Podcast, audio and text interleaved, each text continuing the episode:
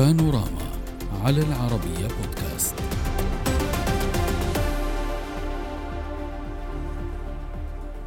توالت في الأيام القليلة الماضية تقارير تتحدث عن زعيم القاعدة الجديد سيف العدل وأنباء عن تواجده في إيران.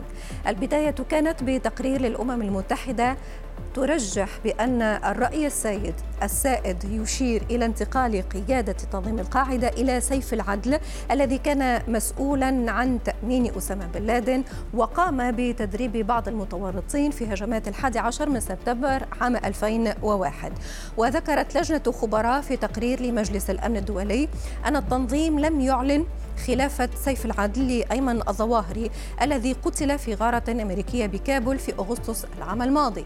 الخارجية الأمريكية بدورها سارعت إلى تأييد التقرير الأممي مؤكدة بأنها تؤيد ما ورد فيه والقائل بأن سيف العدل موجود فعليا في إيران.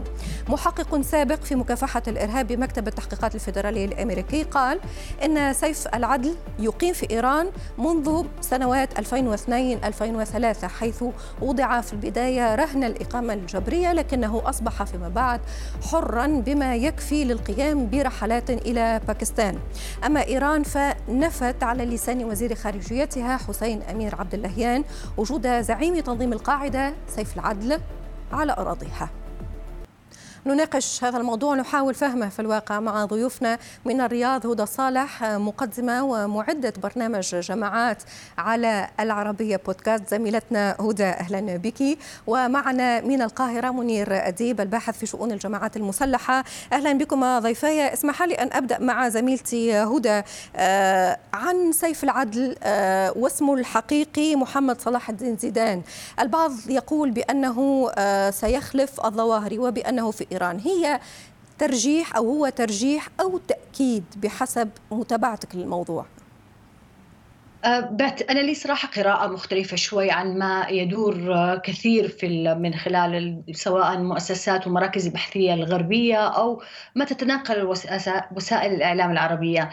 أه، بالنسبة لسيف العدل هو قد يكون هو أو الأرجح أنه هو الزعيم العسكري لتنظيم القاعدة. هو في الأول كان رئيس اللجنة الأمنية. نحن إحنا نعرف للقاعدة له هيكلية. عندنا الأمير بعدين المجلس القيادة العامة اللي هو في أعضاء مجلس الشورى. من آه، أقصى أقل عدد يكون سبعة وأقصى عدد يكون عشرة. تندرج تحتها لجان منها اللجنة الأمنية. سيف العدل كان يتولى زعامة اللجنة الأمنية. على الأرجح أنه هو اليوم أصبح رئيس يعني أحد أعضاء مجلس القيادة العامة رئيس القطاع العسكري في تنظيم القاعدة، لكن أن يكون أمير تنظيم القاعدة وجهة نظري هذا الشخصية هذا هذا هذا صعب. رغم أنه وسؤال حضرتك هنا آه، أستاذ منير رغم انه هذا الموضوع تحدثت فيه الأمم المتحدة وأكده فيما بعد نيت برايس المتحدث باسم الخارجية الأمريكية هو قال اولا بانه هناك ترجيح أمريكي بأن آه، سيف العدل سيخلف الظواهري ولكنه قدم تصريح آخر ملفت بأنه في إيران وهنا تحدث عن شبه التاكيد ما رأيك؟ يعني لعل بعد مقتل أيمن الظواهري في يوليو من العام 2022 ذهبت ترجيحات كثيرة على أن السلطة أو الدعامة ربما تنتقل إلى سيف العدل. وبالتالي ما أدعته الخارجية الأمريكية لم يكن جديدا ولكن هذه الترجيحات ربما بنيت على آه، قواعد قد يكون منها كما ذكرت الأستاذة هدى أنه المسؤول مسؤول اللجنة الأمنية وأنه كان أحد الحراس الشخصيين لأسامة بن لادن وأنه قد يكون الشخص الوحيد قد يكون في حقيقة الأمر من الجيل المؤسس وبالتالي تذهب هذه الترجيحات إلى أن آه، هذه الزعامة قد تذهب إلى سيف العدل عدم وجود آخرين ربما من الجيل القديم للقاعدة. فضلا على أن هناك سؤال كبير ومهم دائما يطرح وأعتقد أنك سوف تطرحينه الآن. لماذا لم يعلن التنظيم تولي زعيمه آه، الجديد؟ مم. يعني هذا أمر في غاية الأهمية. صحيح. لعل وجود سيف العدل في إيران هو السبب الحقيقي ولعل عدم كذلك الإعلان حتى هذه اللحظة. نحن صحيح ولعل كذلك الموضوع المرتبط بأفغانستان طالبان التي تنكر إلى اليوم وفاة الظواهري محرج كذلك الموضوع. هذه نقطة جد مهمة ولكني كنت سأؤجلها لحلقات أخرى. الوقت يدركنا وددت سؤال عن عدم حديث إيران. كذلك إيران لطالما تكتمت عن وجود القيادات. أستاذة هدى للمرة الألف ربما الولايات المتحدة الأمريكية تحرج إيران وتتحدث عن إيوائها لقيادات تتبع تنظيمات إرهابية فما المتوقع من الردود الإيرانية وكيف نفسر هذه النقطة؟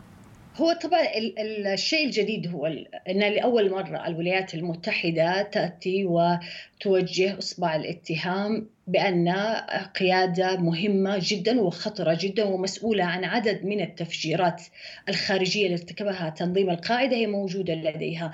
وهذا تحذير غربي لإيران أن أي عملية خارجية تنفذها ينفذها تنظيم القاعدة ستكون إيران هي المتهمة بها. فلذلك القاعدة محرجة. حركة طالبان محرجة. إحنا نعرف طبعا أجنحة في داخل حركة طالبان ساعدت سيف العدل ومن معه للخروج وقتها من معارك تورابورا و يعني وأن يتوجهوا إلى إيران ومعهم حكمتيار وعلاقات قديمة مع عدد من القيادات المهمة في حركة طالبان، الجميع محرج من هذا نعم. الكشف الأمريكي هو ليس كشف يعني المعروف جدا من من قديم. لازم حتى إحنا ما ننسى أن خالد شيخ محمد يعني لدى الولايات المتحدة. منفذي ومهندسي تفجيرات 11 سبتمبر لدى الولايات المتحدة. أجهزة الأمنية في عدد من الدول العربية والخليجية لديها قيادات بارزة ومهمة جدا. كانت قريبة جدا من سيف العدل والقيادات مجلس شورى القاعدة. فكثير من المعلومات المتوفرة عند أجهزة الأمن.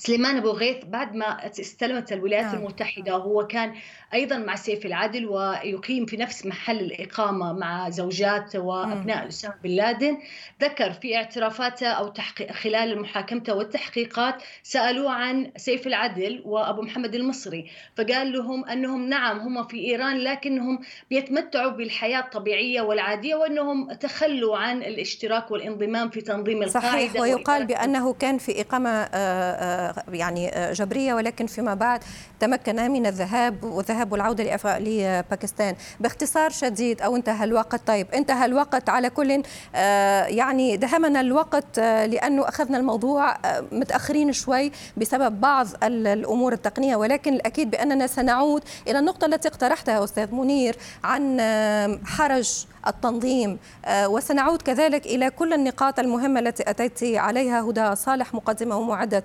برنامج جماعات على العربية بودكاست. ومن القاهرة منير أديب الباحث في شؤون الجماعات المسلحة. شكرا لكم. وبهذا نختم بانوراما لهذا المساء. السلام عليكم.